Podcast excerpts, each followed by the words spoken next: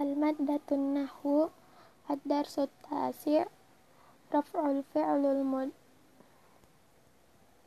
رفع الفعل المضارع. القاعدة الأول يكون الفعل المضارع مرفوعا إذا إذا تجرد من الناس من الناصب من الناصب والجازم الثاني علامة رفع الفعل المضارع الضمة الضمة الظاهرة في الظاهرة إذا كان الفعل صحيح الآخر مثل نريد